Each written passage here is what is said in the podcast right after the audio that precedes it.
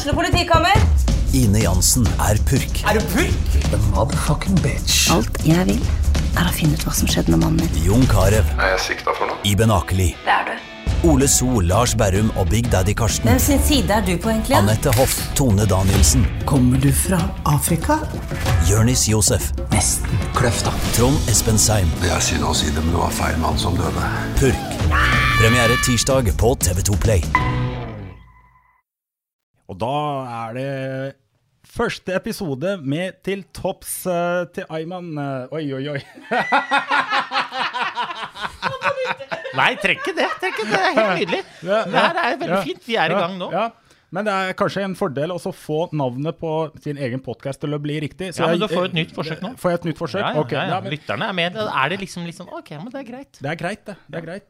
Her er terskelen eh, er ekte. høy der den skal være høy, og så er den lav der den skal være lav. Så Folkens, men da nytt forsøk, og da er det ingen tvil, for dette her er det aller første episoden med podkasten Til topps med Ayman.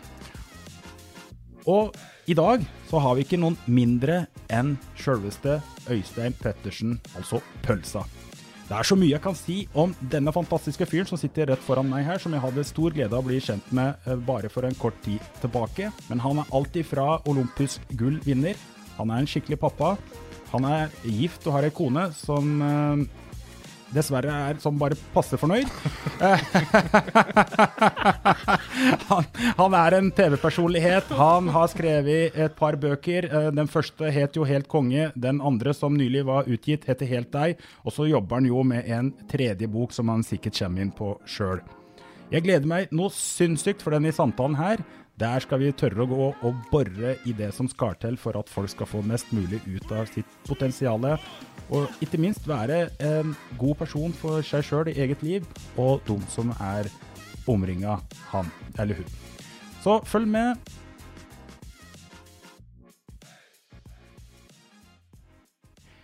Øystein Pølsa, velkommen.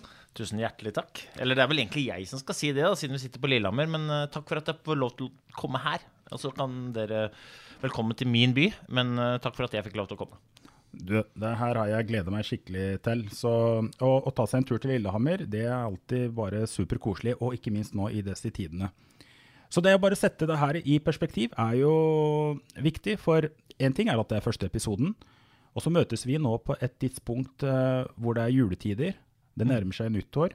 Og denne episoden uh, kommer jo til å slippes uh, nå om noen få dager etter at vi har spilt den inn. Så jeg kommer nok til å ønske å ha dine tanker rundt dette her med det som ofte skjer ved årsskiftet, at folk setter seg nye mål og blanke ark. Eh, Men før vi kommer dit, så er det veldig fint om du har mulighet til å si litt kort om deg sjøl, selv, selv om du for mange er godt kjent. Eh, Noen har blitt eh, mer kjent med deg via TV-opptreden, noen fra skisporet. Men Gjerne litt sånn med egne ord, eh, Øystein. Eh, fortell litt om eh, din egen reise, og så tar vi samtalen derifra. Ja, takk for det. Ehm, det er som du sier, at det er mange som Det er i hvert fall noen som kjenner til meg. og enten det er som idrettsutøver, eller det er som forfatter, eller at jeg stikker fram nesa mi i ulike sånne reality-program, eller Maskorama, eller Men det sier jo egentlig ikke så veldig mye om hvem jeg er, bare noe om hva jeg har drevet med, og, og hvor god eh, jeg har vært i det jeg har på med. Eh, det er litt sånn symptomatisk for samfunnet. Vi ser hverandre ofte for titler og, og resultater og medaljer og antall følgere vi har på sosiale medier. og litt sånne ting. Og, eh, hvis jeg skal si liksom hvem jeg egentlig er, da, og, og ta vekk det politisk korrekte pappa og, og ektemann, så er jeg nok en altså Jeg er en, en ganske blid fyr. Eh, som, jeg kommer fra Groruddalen, eh, født og oppvokst i Oslo. Eh, blid fyr som er glad i mennesker, jobber med mennesker. Eh, og så er liksom, jeg er veldig opptatt av det som ligger bak det å skape resultater, eller med dine ord, da, bak det å få til noe. Eh, jeg, jeg brenner for alle de tingene som jeg kan styre og ta tak i, eh, som kan føre til at jeg skaper gode resultater. For selv om jeg ikke har lyst til å bli sett for eller kjent for resultatene mine, så bruker jeg veldig mye av tida mi på å skape gode resultater. Men jeg er mer opptatt av å gjøre det som skal til, enn jeg er av å dyrke resultatene i seg sjæl. Ja. Så det, det er nok øh, den korte versjonen av hvem jeg er, da. Ja. Og det, det, der er vi jo allerede inne på det som jeg og Altså I forkant av da vi satte i gang, så var, så fant vi, var vi ganske sikre på at vi to kommer til å ha en del overlappende verdier og måte å tenke på, til tross for at vi også har operert i veldig forskjellige domener. For jeg òg mener det, Øystein, at uh, altså det handler ikke om hvilke resultater vi oppnår. De er jo selvfølgelig viktige, men det er enda viktigere hva slags type folk vi blir, og, og hvem vi blir for andre. Altså hva, vi, hva slags betydning uh, har det, at jeg får til noe her i livet. Um, men ja, det der er litt sånn Jeg stopper deg der, da. For at jeg, jeg, kjente på det her litt sånn som uh, når, jeg, når, jeg, ga meg som skiløper 2019 så ga jeg meg som skiløper. Jeg, jeg, jeg, har gått på ski hele livet. Jeg ja. elsker å gå på ski. Jeg er en, jeg er en ordentlig idrettsgutt. 2019 eh, så uh, tror jeg bank i det berømte bordet at jeg var på mitt aller beste som, som utøver. Mm. Uh, og så plutselig en dag så fikk jeg ikke sove. Mm -hmm. Så skjønte jeg hva er det som foregår. Uh, jeg fikk ikke sove, hadde en sånn klump i magen. Ante ikke helt hva det var, men jeg, liksom det gikk over noen dager. Og vi, på den tida så lå vi nede i, i Sveits, hadde sånn høydesamling. Fikk ikke sove, så det førte til at jeg ofte sto opp tidlig, gikk ut, og så gikk på ski i flotte omgivelser aleine. Og så oppi en, um, oppi en sidedal eh, i Pontresina så plutselig fant jeg ut at faderen, grunnen til at jeg ikke får sove, er fordi jeg ikke ser meninga med det jeg gjør. Altså, jeg mm. elsker det jeg gjør. Jeg har veldig stor lidenskap for skiløpinga. Mm. Men jeg hadde liksom ikke noe grunn til å holde på lenger. Jeg brydde meg ikke om jeg var én eller om jeg ble nummer ti. Mm. Og liksom, jeg, jeg, brenner for å ha den derre eh, forståelsen av at resultater alene er kjempegøy, men, men, du må vite hvorfor du har lyst til å skape de. Ja. For at resultater, det, er, det betyr ingenting hvis ikke du tillegger det den verdien som gjør at du kan legge deg om kvelden mm. og føle deg bra. Så jeg slutta på ski. Det, bare sånn, men det her går ikke. Så det, den sesongen så slutta jeg på ski.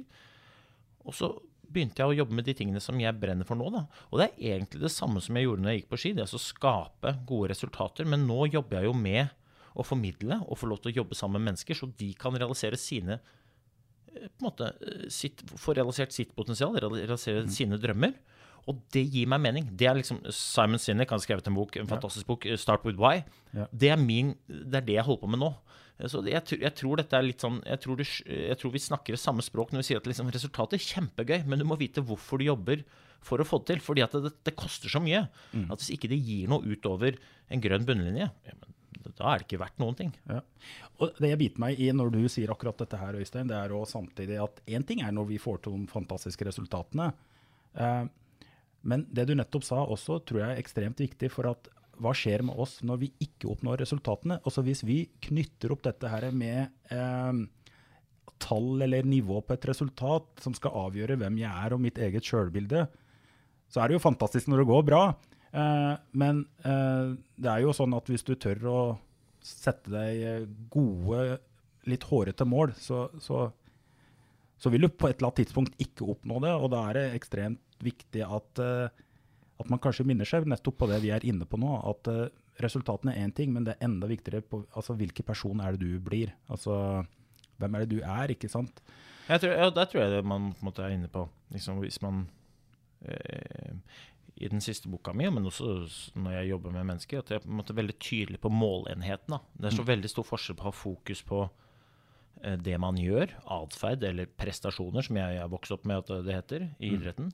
Eh, og og ikke så mye på resultatet. Fordi at det, um, Selvfølgelig så vil atferden din avgjøre hvilke resultater du kan skape. Men jeg sier kan fordi det er så mange ting også rundt et resultat som påvirker, men som du aldri får styrt.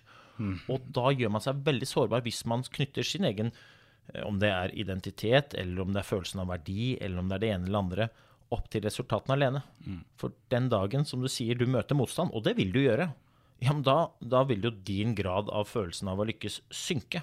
Fordi ting som er utenfor din kontroll, påvirker resultatet ditt. Ja. Jeg brenner for det andre, men jeg, i dagens samfunn så, så, opplever jeg at vi er Vi er jo litt mer vi, vi, lever i en verden hvor forfengelighet er ganske viktig. Ja. Og hvor vi, i frykt for å skuffe noen, ofte sier måte, ja der vi burde sagt nei, og hvor vi har en tendens til å tillegge hva alle andre mener om oss, større mening enn hva vi sjøl mener om oss. Vi kan jo bruke deg som eksempel, du som sitter ved siden av her. Nå husker jeg ikke hva du heter. Solfrid. Solfrid, du fikk jo en kopp kaffe av en som gikk ned og henta en kopp kaffe. Og så liker du ikke kaffe, men du takka for kaffen fordi han hadde gått ned. Og grunnen til at du ville, ville ikke skuffe han som hadde gått ned. ikke? Men han hadde jo ikke spurt. Han ville bare være hyggelig, og det er jo veldig hyggelig, men det er jo Ja. ikke sant?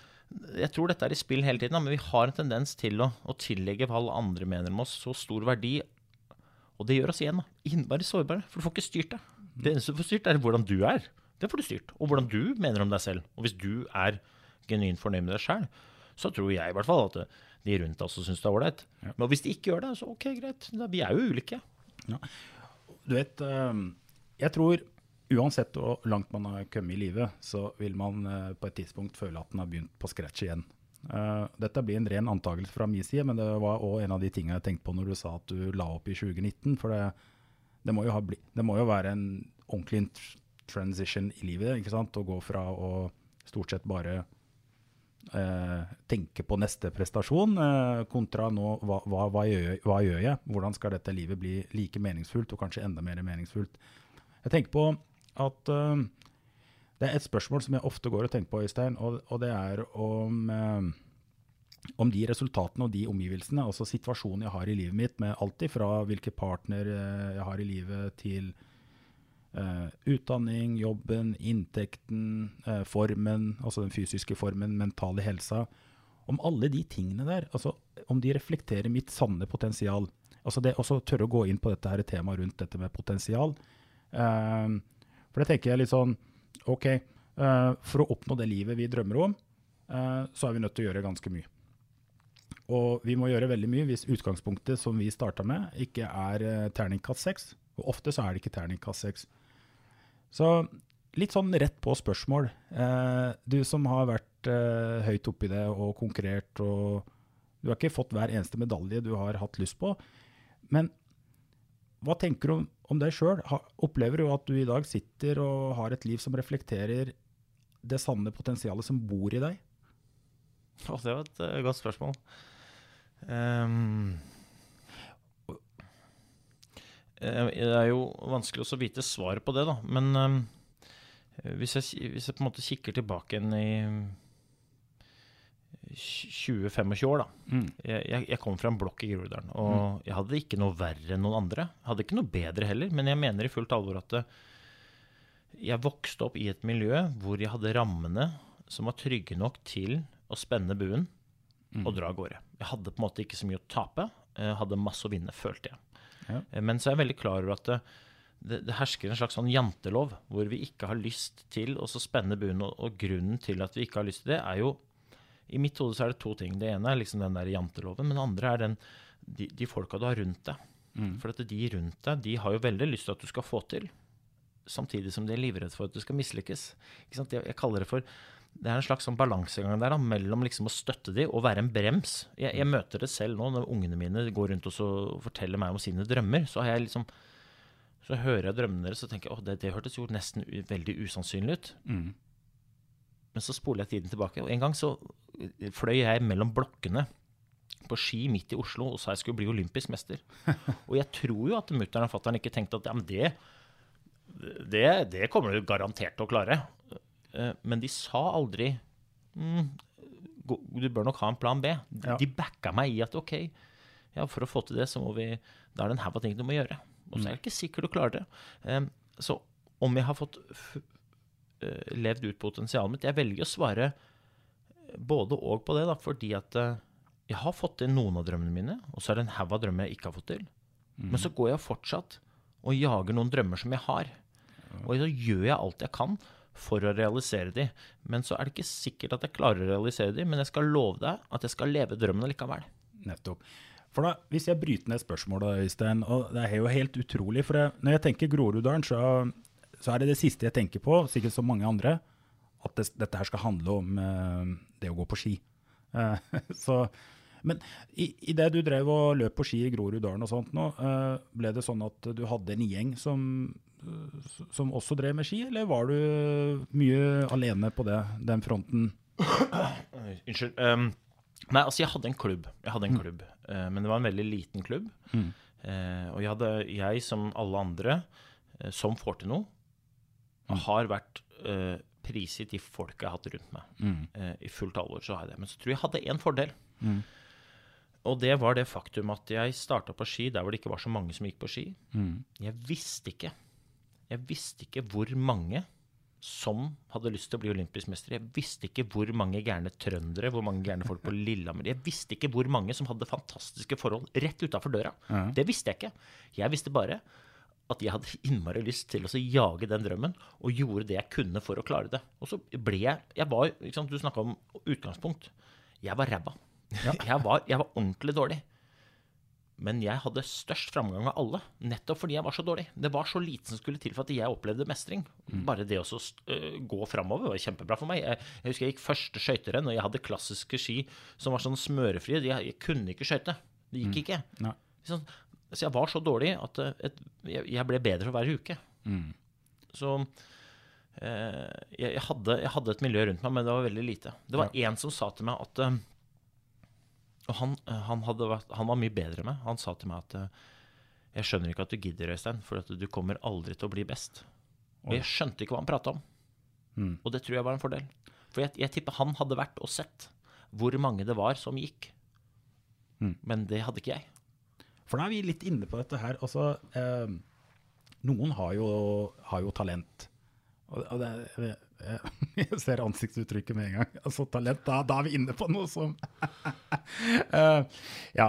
Men la, la oss si av det såkalte talent, da. Ikke sant? Og så um, Både du og jeg som har prestert i litt i i, i våre egne sjangre, vet at talent, det, det er greit. Det er en fin gavepakke å ha, og så hjelper det deg ganske mye sånn typisk starten.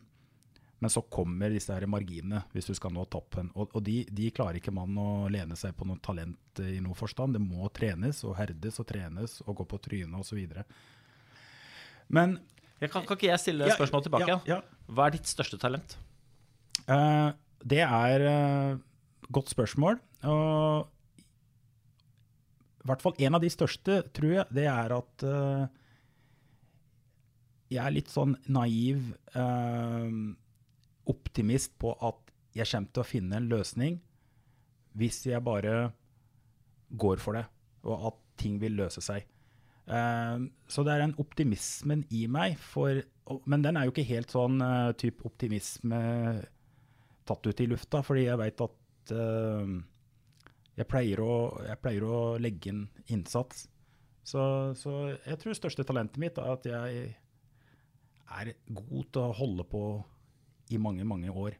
Altså eh, jeg, jeg tør å stå i det når det blir kjedelig og ikke får den raske fremgangen. Og så å jakte på de små marginene. Så, så det er egentlig kanskje Jeg vet ikke om det var godt nok svar, Øystein. Om, Ja, i hvert fall, eh, når jeg første gang så deg på, på scenen og hørte deg prate, så tenkte jeg at han, han der deler mitt talent. Gjennomføringsevne. Ja. Eh, for at det, er så, det er så mange som liksom snakker om de der små detaljene og liksom icing on the cake og, og sånn, men vi glemmer liksom de byggesteinene da, som enten bygger kaka, eller som sørger for at det der eh, fjellet er ganske høyt. Og det er ikke talent. Eh, Det er egenskaper. Og de egenskapene de må man trene. Og de Ja. trenes kun gjennom å gjøre. Altså, uans, uansett hva det er man skal få til, om det er å, å få til et, eh, en god helse, eller om det er å bli olympisk mester, eller om det er å bli en rik businessperson, eller om det er det ene eller det andre, så, så koker du ned til hva er du villig til å gjøre. Ikke sant? Og, eh, det, det er veldig mange som jeg skal ikke si ta for lett på det, men jeg, som, jeg opplever er litt for ubevisste på hva det er jeg faktisk gjør. Det er veldig mange som jobber mye uten å nødvendigvis få mye gjort, f.eks. Mm. De bare står på, og står på i seg selv. Ja. Herlig, kjempefin egenskap, men du må, du må sørge for at du, du står på med de rette tingene. Nettopp. Hvis ikke så Du, du har jo, bruker jo ordet banke dører, ikke sant? men hvis du banker den samme døra hele tiden, eller banker på feil dører hele tiden, ja, men da bank så mange dører du vil. Det kommer ikke til å skje noe. Du må være, måtte bryte ned, og dette er det jeg liksom brenner for å øke bevisstheten rundt. Da, fordi at um, Potensialet, Du spurte om får du ut det store potensialet ditt. På, Svaret på det spørsmålet er at det, håper jeg endelig. Hvordan? Jo, gjennom å bryte ned hva jeg må gjøre for å få det til. For det, det der kommer ikke rekna seg ei fjøl. Og ikke er det noen straff heller. Det er jo en mulighet til å realisere seg selv. Og så vet jeg at det er veldig lett å angripe som både klisjéaktig og som flåste. Men alt annet ville være veldig trist. Ja. En ting jeg tenker på nå spesielt, det er jo dette her med folk som står på og gjør masse. og så- men det er ikke sikkert eh, de får til de resultatene de har lyst på. Og det, det er noe jeg har vært svært opptatt av. fordi det er noen som kommer til meg og sier jeg har prøvd alt og jeg har jobbet hardt i mange år. Så. Men jeg liker et uttrykk som heter det å klare å finne forskjellen som utgjør forskjellen. Og, så, og ofte så kan det være i også det, Hvis du kjører bil i 25 år, så blir du ikke bedre sjåfør av, det, av den grunn. Du, du har en sånn type bratt læringskurve de første si, åra to-tre, og så stangerer det. Hvis ikke man legger inn dedikert innsats og trening, og er sulten på å finne hva er det som egentlig gjør at jeg kan oppnå neste nivå. Fordi det er jo akkurat dette her som er litt av bakgrunnen for at jeg ønsket å, å satse på den podkasten. For jeg, jeg, møter jo en del mennesker, som du også gjør, Øystein, i ulike settinger, som, som det er ikke noe tvil rundt at de har lyst. Ingen tvil på at ja, de ønsker bedre helse, de ønsker eh, større bedrift, eh, flere kunder, bedre sosialt liv. Og så, legger de en viss innsats, men det, men det er et eller annet som gjør at de får ikke den effekten som denne innsatsen i utgangspunktet skulle gitt. Og, det, og, og, og derfor så tenker jeg at uh, dette her som du har snakket om, det her med fordi Personlig så har jeg tenkt at mye av løsningen på det, det er å være så nysgjerrig på å lære fra de beste, og så samtidig omringe seg med en del mennesker som allerede har vært der og gjort en del av det du ønsker å oppnå.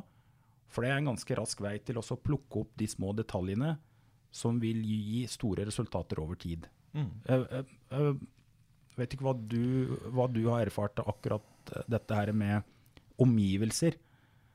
Jeg, fall, det er mange spørsmål du stiller. da. Um, det ene var liksom dette med, med det å bli bedre. For det er det vi prater om. ikke sant? Uansett ja. hvor god du er, så kan man alltid bli bedre. Men for å bli bedre, så må man jo øve. Mm.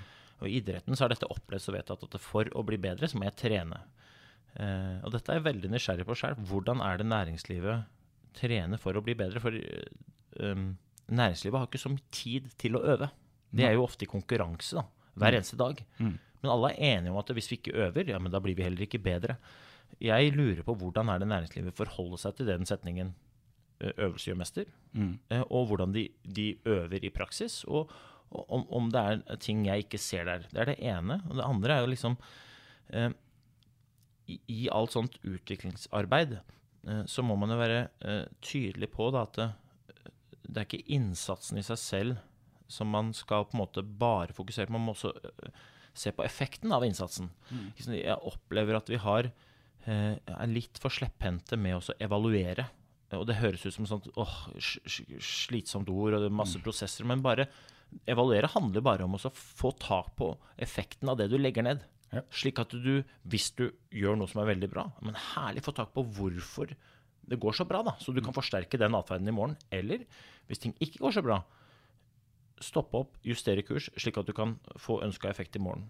Og det tredje du sier, er jo liksom det at det, det at du har vært der lenge, det betyr ikke nødvendigvis at du har lært mest. Det kan bare bety at du har vært der lenge. Ja.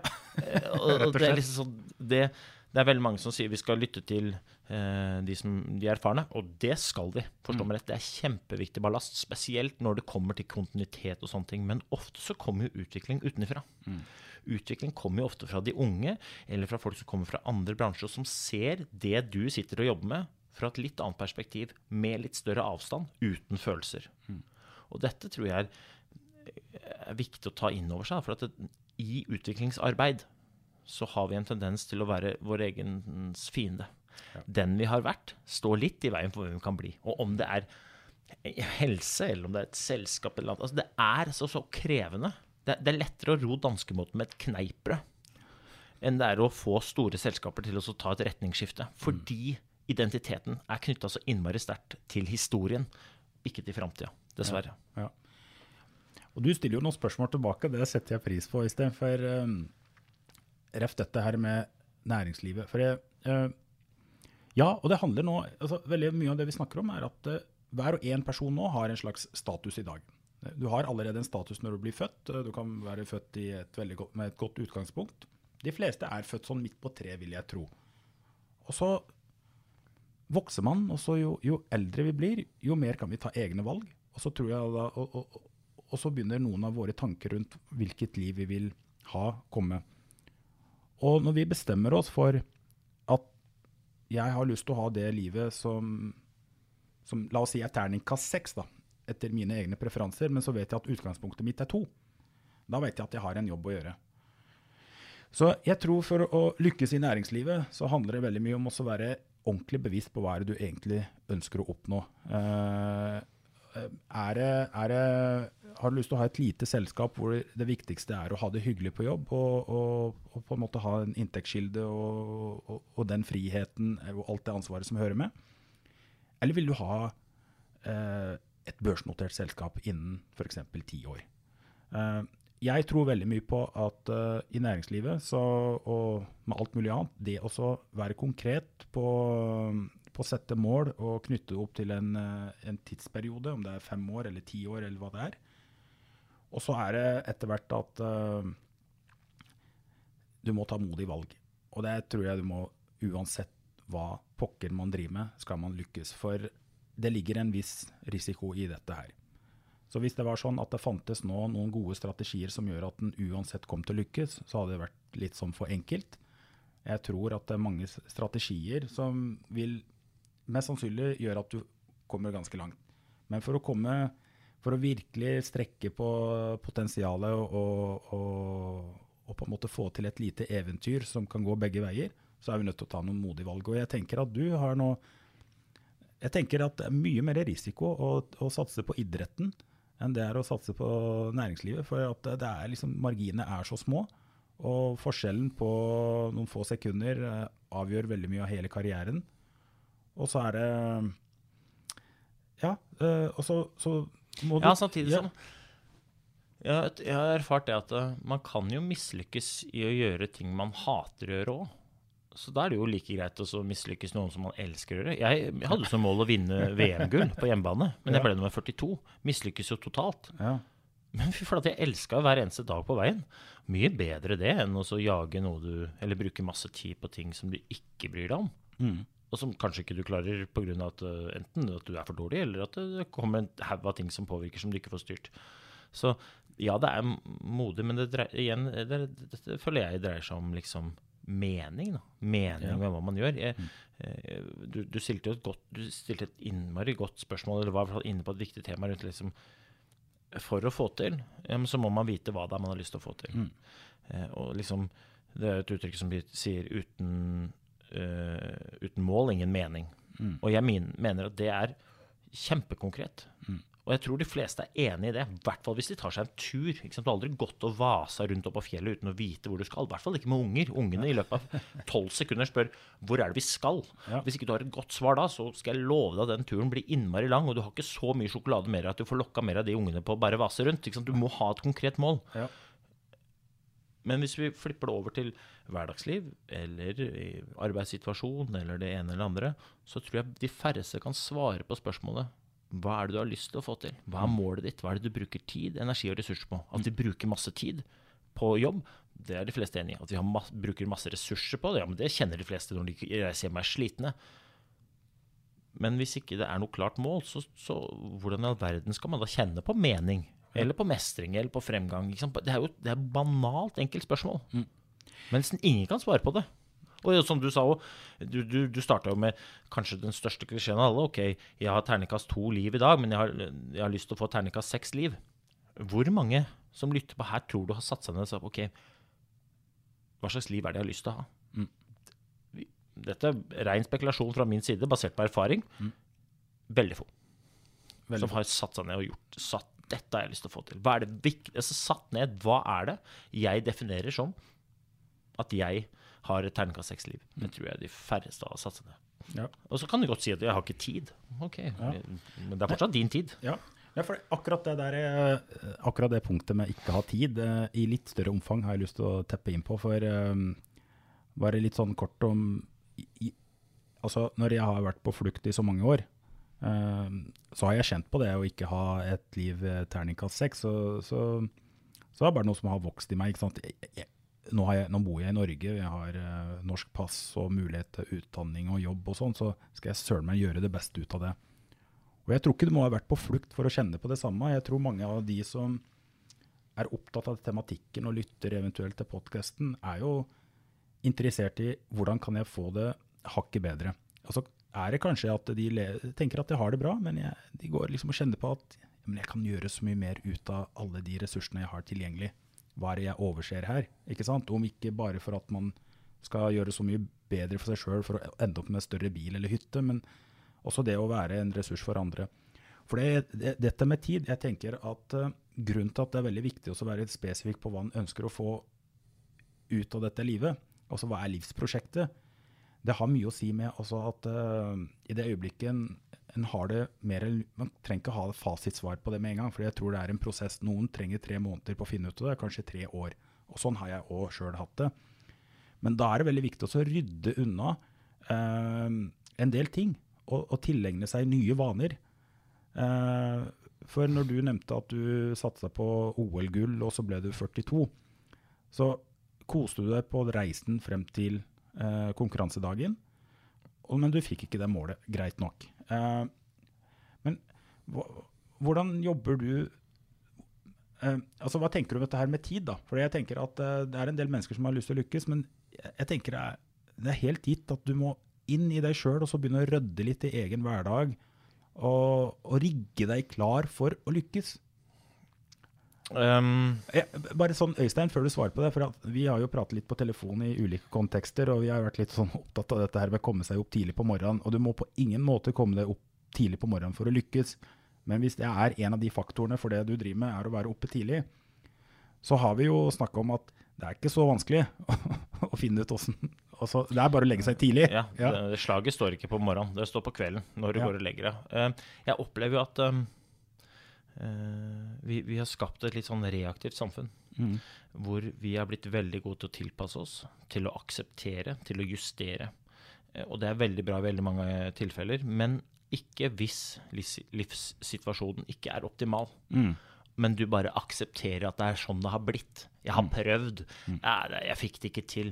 Eh, Jeg, jeg er veldig opptatt av at det som ligger bak du har fått noe, ja, men det handler om å gjøre. Og det, handler, det er ikke reaksjoner, det Mm. er aksjoner. Bevisste valg, bevisste handlinger innenfor en kontekst som hele tiden endrer seg, men hvor du tar eierskap til hva du må gjøre. Mm. Eh, tid um, uh, 7. oktober i fjor så eh, lå, var jeg på sykkeltur oppe i gata her. Mm. Og så fikk jeg innmari vondt i huet.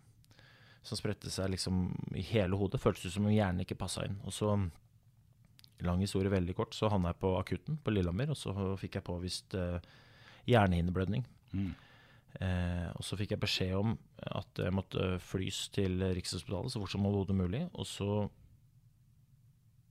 mens jeg lå der og var ennå bevisst, så fikk jeg beskjed om å ringe til kona mi. Mm. Fordi de kunne ikke garantere at jeg beholdt bevisstheten, og de kunne heller ikke garantere at jeg våkna opp igjen hvis jeg mista den.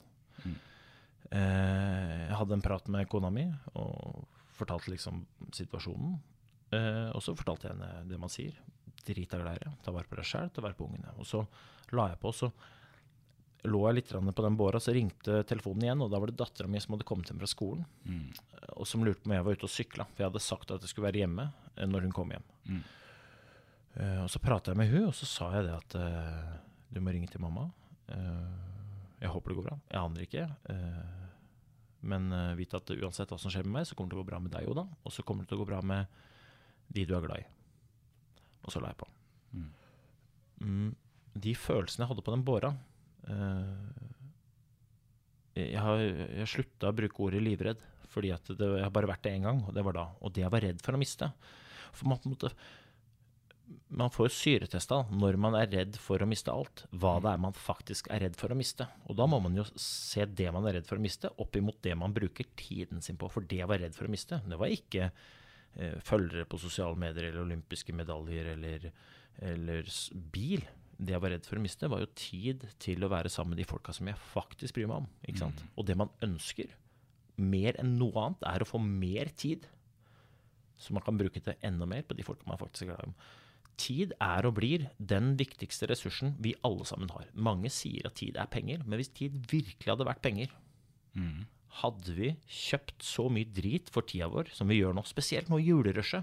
Faen, kjøpesenteret er fullt opp med folk som løper rundt og bruker masse tid på å kjøpe gaver til folk som ikke vet hva de ønsker seg engang. Fordi at de har alt de trenger, men vi bruker masse Istedenfor å gi de pakker, så burde vi gitt de tid.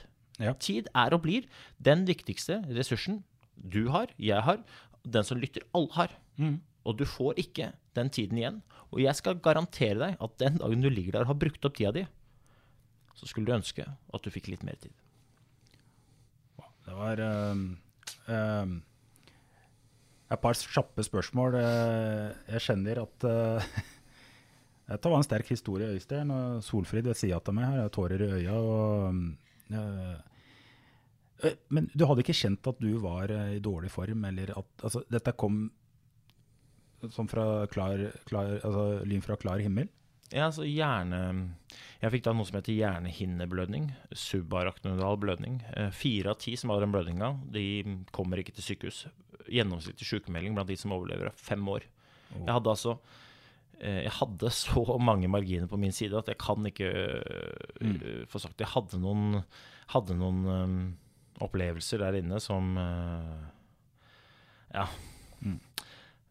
Men det kom bare mens jeg var ute og sykla. Plutselig. Og øh, hvis du på en måte uh, Om det er den ene eller den andre katastrofen da. Det er altså så mange som opplever at livet plutselig blir snudd på hodet. Og jeg tror de fleste av de, som meg, føler seg udødelig inntil du plutselig får syte at det er du absolutt ikke. Sett deg ned, kamerat. Du er ganske, du er ganske dødelig. Og bare man på en måte inntar det, den holdninga, faderen Den, den derre klemmen som du gir unga dine, eller kona di, eller den praten vi har her nå, eller bare vær til stede. Bruk tid på de tingene du mener er viktige, og gjør din tid til det du mener at den bør være verdt. For du får aldri bytta den igjen.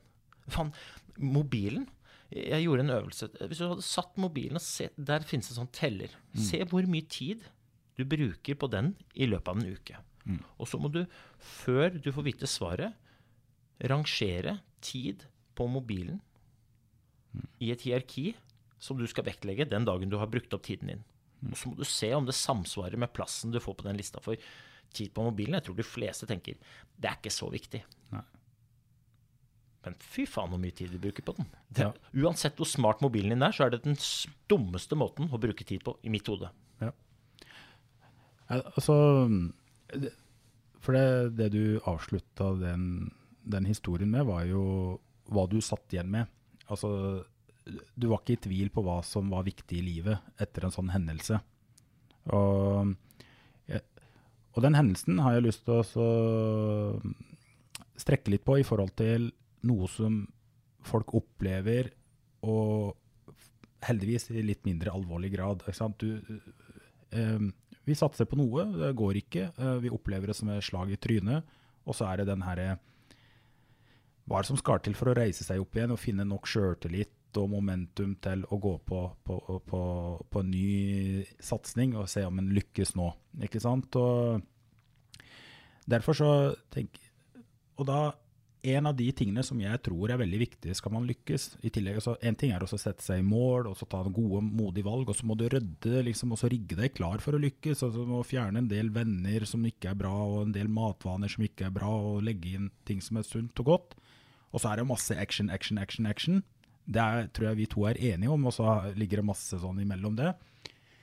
Men det jeg tenker er ofte en av greiene som gjør at folk ikke oppnår mye av det de har lyst til å få til, det er at de ikke er konsekvente nok. Ehm, og nå er vi jo snart nyttår, og mange skjønte, til Og vi kunne hatt en egen serie, altså episode om nyttårsfortsett og den biten. Men det er jo veldig relevant, for nå på den tida så er det mange som setter seg nye mål. Men så går det bare tre uker. Kanskje går det to og en halv måned, og så er det tilbake til gamle vaner. Og jeg tror at eh, de som lykkes best, det er de som klarer å være konsekvent, uansett om det er dårlig vær, om det er kaldt, om det er eh, rød dag, eller om det er vanlig dag. Og så, så selvfølgelig så finnes det unntak. Altså når barnet skal konfirmeres, eller når du inviteres på, til slottet på noe, så så er det greit, så gjør du noe unntak for å få med deg det. Men eh, hva, hva, av din egen reise, hva tenker du dette her, hva er, som, hva er det som er viktig for å klare å være konsekvent og, og holde trøkket opp over tid for å oppnå de tinga man vil? Eh, nei, altså det, det, eh, Ofte så pleier jeg å bruke Rubiks kube da, som Mhm. bilde på det her. Rubiks kube, Jeg tror alle har holdt i en Rubiks kube. Mhm. Eh, og alle vet jo målet med Rubiks kube. Mhm. Men det er veldig mange flere som har holdt igjen og prøvd å løse en, enn det er folk som har løst den. Og Mhm. Rubiks kube er veldig enkelt å løse. Hvis du vet oppskriften. Hvis ikke du vet oppskriften, ja, men da er det bortimot umulig. Mm. Ikke sant? Jeg sier ikke at det er kjempelett når du har lest oppskriften. Jeg sier at det, det er lettere. Og så vil øvelse gjøre at det blir lettere og lettere for hver gang. Mm. Jeg brenner jo for at det, nyttårsforsett, f.eks. Liksom, sett deg gjerne et mål. Det, det håper jeg folk har. Eh, om det er hårete eller ikke, det avgjøres ikke i, i mål i seg selv. Eh, men det må vi se på atferden din. Hvis du ikke gjør noe av det som skal til for å nærme deg målet, så er det hårete mål uansett hva slags mål du har satt. Realismen i mål, det ser vi på atferden din, ikke på målet. Jeg kommer fra en blokk i Groruddalen, og i mitt hode er det veldig realistisk å bli olympisk mester. Jeg har gjort det. Fordi jeg, jeg har drevet med en del ganske sjuke ting. Men Rubiks kube Hvis du begynner å bare arbeide med Rubiks kube, du setter deg et mål, og så begynner du å jobbe, så klarer du ikke å vite om du nærmer deg målet eller flytter deg lenger unna. For du bare er opptatt med å være opptatt og flytte brikker. Dette tror jeg skjer når vi setter oss mål på nyttårsaften. Vi klarer ikke å bryte ned en klar oppskrift på hvordan er det jeg skal nå det. Og så, når man har oppskriften, ja, men da kommer jo den kontinuiteten som du snakker om. Dette må vi gjøre over, over tid. ikke sant? Alt tar litt tid, men vi har skapt et samfunn hvor alt skal gå så fort. Vi blir jo stressa hvis 5G detter ned til 4G på hytta. Og hvis strømmen går, eller hvis du mm, må ha kjøpt eh, vanlig grøt istedenfor hurtiggrøt, da blir vi stressa. Vi har laget et samfunn hvor alt skal skje veldig fort. Ja. Og da kommer vi ikke til å få til skikkelige ting. Fordi at det, det tar litt tid. Men det er ikke noe farlig. Og så er det jo sånn Jeg brenner også for i, i dagens uh, samfunn så opplever jeg at vi, vi, vi, er, vi er livredde for motstand. Ikke sant? Vi er livredde for motgang. Hvorfor? Jo, fordi vi har kanskje ikke lært å takle det, vi har, men vi har lært å akseptere det. Og så opplever vi at vi ikke mestrer. Men motgang er helt vanlig. Og hvis ikke det er motgang, så er det heller ikke utvikling. Og hvis ikke det er motgang, så er det ikke noe mestring. Det er bare kjedelig. Altså motgang, det, jeg skal ikke glorifisere det, men når du løser motgang, så kjenner du på mestring. Fordi det var motstander sånn. Det er ikke noe farlig. Vi, vi må ikke bli så redde for ubehag at vi pakker oss selv inn i vatt og, og sier som denne flotte fyren Rassat som var med på Tropp 1, når han sa at min rekord på 3000 meter er 2000 meter. For det sier jo alt om hans evne til å stå i den der motstanden litt. Da. For at, kom igjen. Øystein, jeg er liksom Ok, jeg vet ikke om noen har liksom pirka borti deg og sagt liksom det du sier der, det høres jo flott og fint ut. Kjempebra. Men jeg er ikke deg. Altså Det er lett for deg å si. Altså, du Du, du har bevist at du kan dette innenfor idrett. Du har mestra scenen. Både som foredragsholder for, og, og som konferansier, som TV-personlighet. Det skulle bare mangle at en sånn type som deg ikke går rundt og sier ja, herregud, det er bare å stå om morgenen og smile og gjøre det bra. Slutt å sy, ta deg sammen. Ja, det, det, jeg liker i hvert fall å bli utfordra på det. Det er mange som Um, det er mange som henger meg ut, altså, som, som tror at jeg alltid er sånn opp om morgenen og spretter opp og alltid blir Jeg er stort sett trøtt om morgenen, men det jeg har lært meg, er jo at ehm, Gjennom å gjøre så blir jeg bedre. Mm. Jeg sier ikke at gjennom å gjøre så får jeg til. Jeg sier at gjennom å gjøre så blir jeg bedre. Og om jeg bruker lang tid, eller om jeg bruker dårlig tid, ja, men det vil jo avgjøre en utgangspunktet mitt, og hva det målet faktisk er, da. Men jeg gir meg ikke. Jeg lærer hele tiden, og så bruker jeg noen ganger. Og det er mange ting jeg ikke får til. Men jeg utvikler meg hele tiden likevel. Og så er dessverre samfunnet skrudd sammen sånn at vi flasher de tingene som vi får til. Men på min vei så jeg er ikke, det er bare å gå inn på Google og se på mine resultater. Jeg er ikke noe solskinnshistorie. Altså, faen, jeg rota det til masse. Men jeg er stolt av å si jeg gjør ting skikkelig. Vi snakka om talent. Mitt største talent er å gjennomføre. Jeg gir meg faen ikke. Nei. Hvis jeg vil, så skal jeg få til. Men om jeg bruker lang tid eller kort tid, det vet jeg ikke. Og så kan det hende at jeg ikke får til. Men jeg skal i hvert fall gå og grave og si jeg gjorde det jeg kunne. Jeg, jeg sier ikke ja, vi får prøve, eller burde prøve, eller kunne, eller skulle gjort det. Jeg gjør. Og hvis Ja. ikke det er viktig, så gjør jeg ikke. Jeg prøvd Jeg var helt syra. Folk sier sånn Ja, jeg, jeg prøvde å ringe deg i går, Ayman. Hva faen mener du med det? Prøvde du å ringe meg, så slo du nummeret, glemte å trykke på den grønne knappen, eller gikk du tom for batteri? Eller glemte du nummeret? Eller, hva, hva, eller ringte du meg ikke, tok en? eller ga du blaffen i å ringe? Sånn, jeg har prøvd å gå ned i vekt. Jeg sånn, hva snakker du om? Har du prøvd å gå ned i vekt? Ja, ja, ja, jeg har prøvd. ja vi har prøvd alt. Prøvd, det driter jeg i. Det finnes flere metoder. Så enten så gjør vi, eller så gjør vi ikke. Du, jeg har en eh, slags eh, ja, Jeg har en kommentar, og så har jeg et siste Ja, det er spørsmål. deilig, det er deilig. Jeg, har en kommentar, og så har jeg et siste spørsmål før vi skal runde av, tenkte jeg. Og, um, altså, kommentaren min altså, det- jeg hører, og så sjekker jeg med deg om jeg har forstått det riktig. For, det, ehm, for det, en av de tingene jeg tar med, som jeg lærer nå av den samtalen her, som jeg er helt sikker på mange andre lærer, og det er at måten du er skrudd på, Øystein For at helt sånn i starten så begynte du å fortelle at hvis du hadde visst mer enn du visste når du var en liten guttunge, hvor mange dyktige, talentfulle, hardtarbeidende mennesker som var der ute, som hadde lyst på det samme som du ville, å stå på en pall, så hadde det kanskje gjort noe med deg. Jeg veit ikke. Men, men er det greit at jeg har forstått at noen ganger det å bare gi F i all den analytikken og refleksjonen og bare, vet du hva, go for it. Altså, ja. Ja, 100% ja. Jeg, eh, Altså, ikke, ikke så, man skal ikke være helt sånn idiotnaiv, men samtidig så du, det tjener ikke deg å sitte der og grave deg ned i statistikk og finne ut hvor mange som mislykkes som gründere og som toppidrettsutøvere osv. Hvis du har lyst nok, så forstår jeg, ikke sant, korriger meg, at da er det bare å, vet du hva, gi jernet og prøv å finne den beste måten å komme dit på. Lær fra de beste. Ja, og så igjen tilbake til mening. da, ikke sant? Finn, finn noe som du brenner for. For at med en gang du har noe som gir deg mening, ja, men da er du veldig mye bedre rusta for å stå på og gjøre de tingene. For det, det er som du sier, liksom, du kaller for action, jeg kaller for å bare gjøre. Ja. Men uten å gjøre noe, så skjer kun forfall. Nettopp. Eh, og, og det, på en måte, uansett hvor du søker hjelp, uansett hvilke podkast du hører, uansett hvilken coach eller psykolog, så kommer det til å koke ned til hva er det du gjør for å få til? Eller hva er du villig til? Så, sånn er det bare. Sånn er det bare. så, og så er det veldig mye lettere å gjøre hvis det er mening med det du holder på med. Så Ja. kan du først, nå, nå går vi inn i juletida, og jula er veldig fin på veldig mange måter.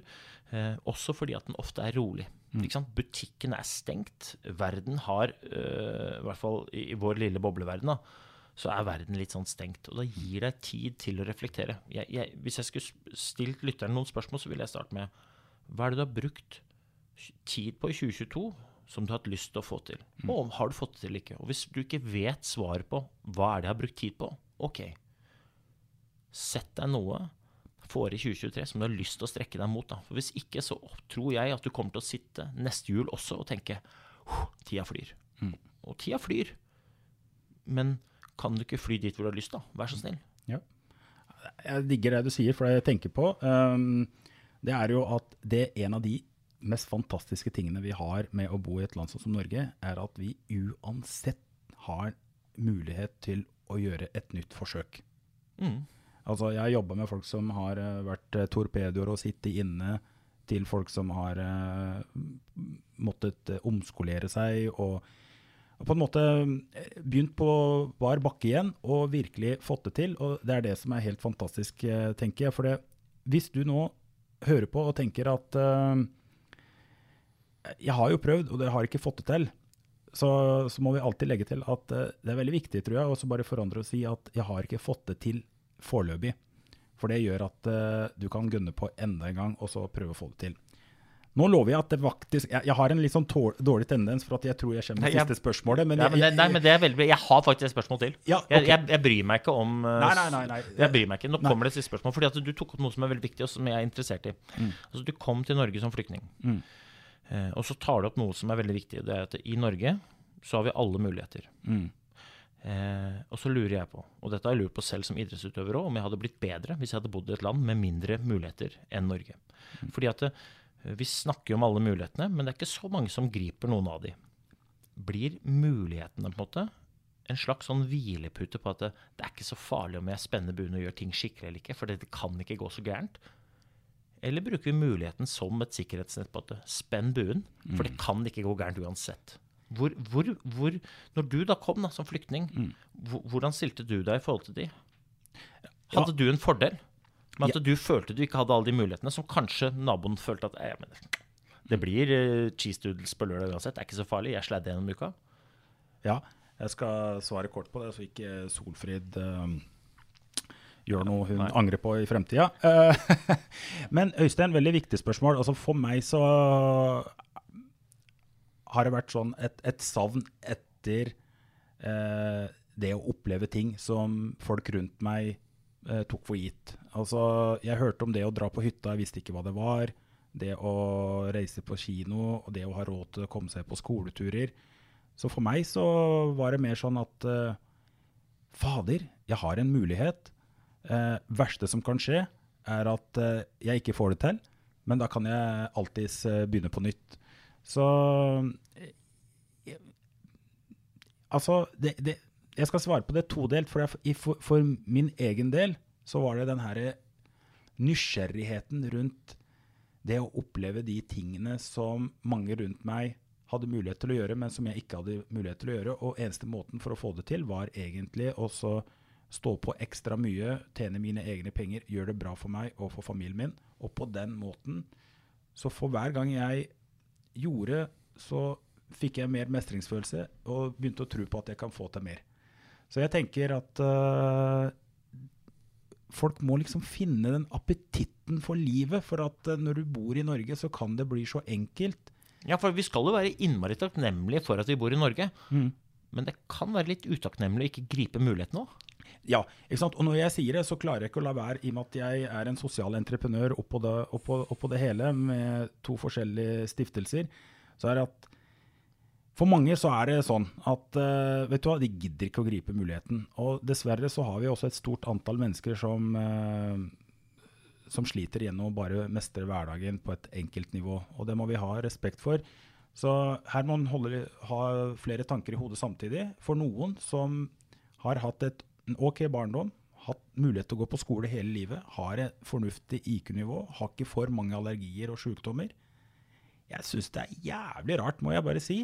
For jeg mener at hvis du gjør de rette tinga over tid i Norge, så er det så enkelt å lykkes at det blir jævlig vanskelig å la være.